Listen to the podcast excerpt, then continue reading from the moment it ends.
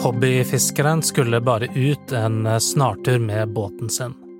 I stedet ble det en kamp på liv og død mot vinden og bølgene. Mitt navn er Rune Christoffersen.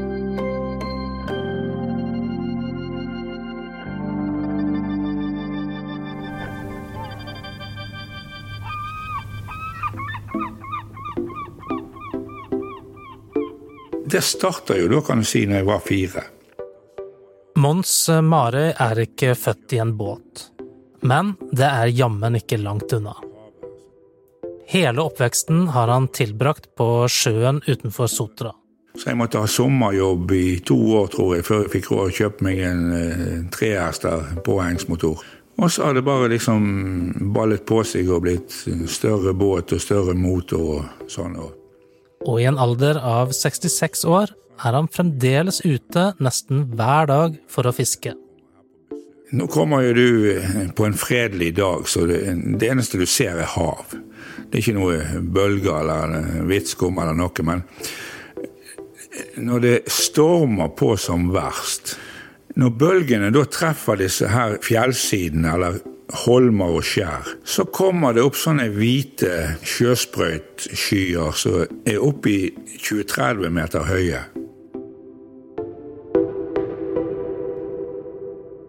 En søndag i mai tar Mons båten ut for å dorge, som han har gjort utallige ganger før. Han stusser litt på at det ikke er andre folk på sjøen, selv om været er vindstille og fint. Mons kjører 600-700 meter nordover og får en lyr på kroken. Men han merker at det er mye strøm i vannet. Lyren går liksom i feil retning, sier han. Han ser at det er mye tang i sjøen.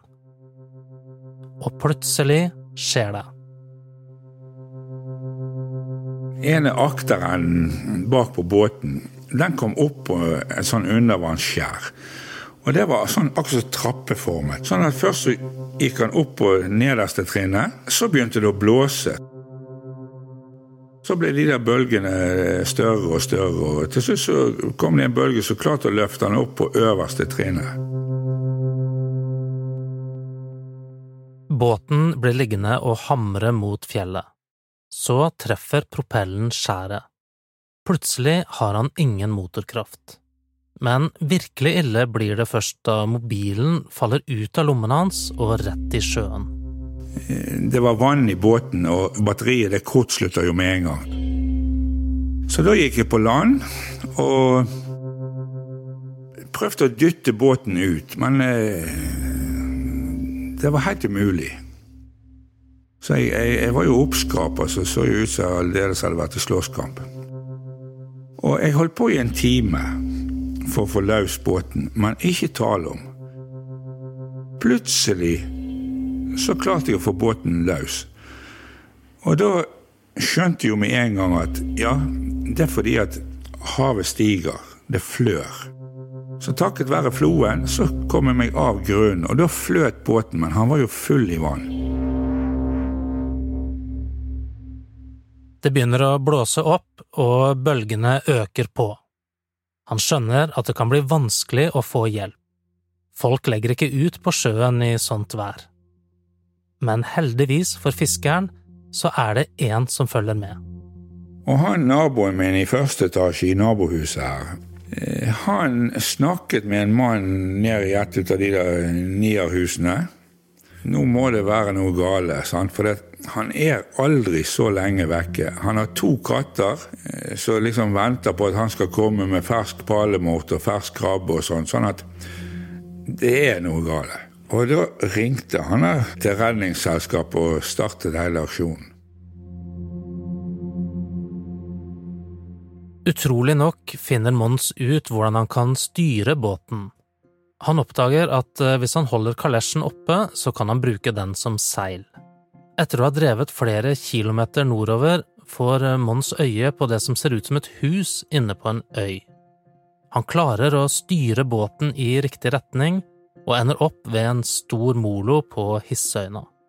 Han forteller at han klatrer på alle fire for å komme seg over kampesteinene. Da blåste det veldig. Og altså, det var sånne bølger som så ruller, og så er det sånn hvitt skum på toppen og sant. Etter å ha kommet seg over moloen, ser han en ny hindring. Han må krysse et eh, nytt stykke med åpen sjø for å komme seg helt inn til land. Heldigvis finner han en påle med en redningsbøye. Holder jeg han bare foran meg, og så bare hiver jeg meg uti. Da svømmer jeg de siste 200 meterne. Da Mons endelig kommer frem til bygningen, så får han en nedtur. For det viser seg at det er ikke noe skikkelig hus, bare et naust. Etter å ha kjempet tolv timer i sjøen er han sliten, våt og kald. Han aner ikke at det pågår en storstilt leteaksjon rett utenfor. Han tenker at eh, han bare skal ligge og samle krefter en stund, og så skal han gå videre for å finne folk. Klokken er blitt halv to på natten da Mons hører motordur over seg. Han løper ut og ser et helikopter med store lyskastere. Det flyr rett forbi. Så da tenkte jeg ja, ja. Bedre lykke en annen gang. Det er mørkt, og han er svartkledd, så Mons tenker at de ikke ser ham. Han går tilbake til naustet og legger seg på gulvet. Men bare noen minutter senere kommer redningen. Da kom det masse lyskastere. Og, og den ene han, altså han gikk helt inn i fjæresteinen, og så kom det folk på land. og Så ble det meldt at um, søket var avslutta.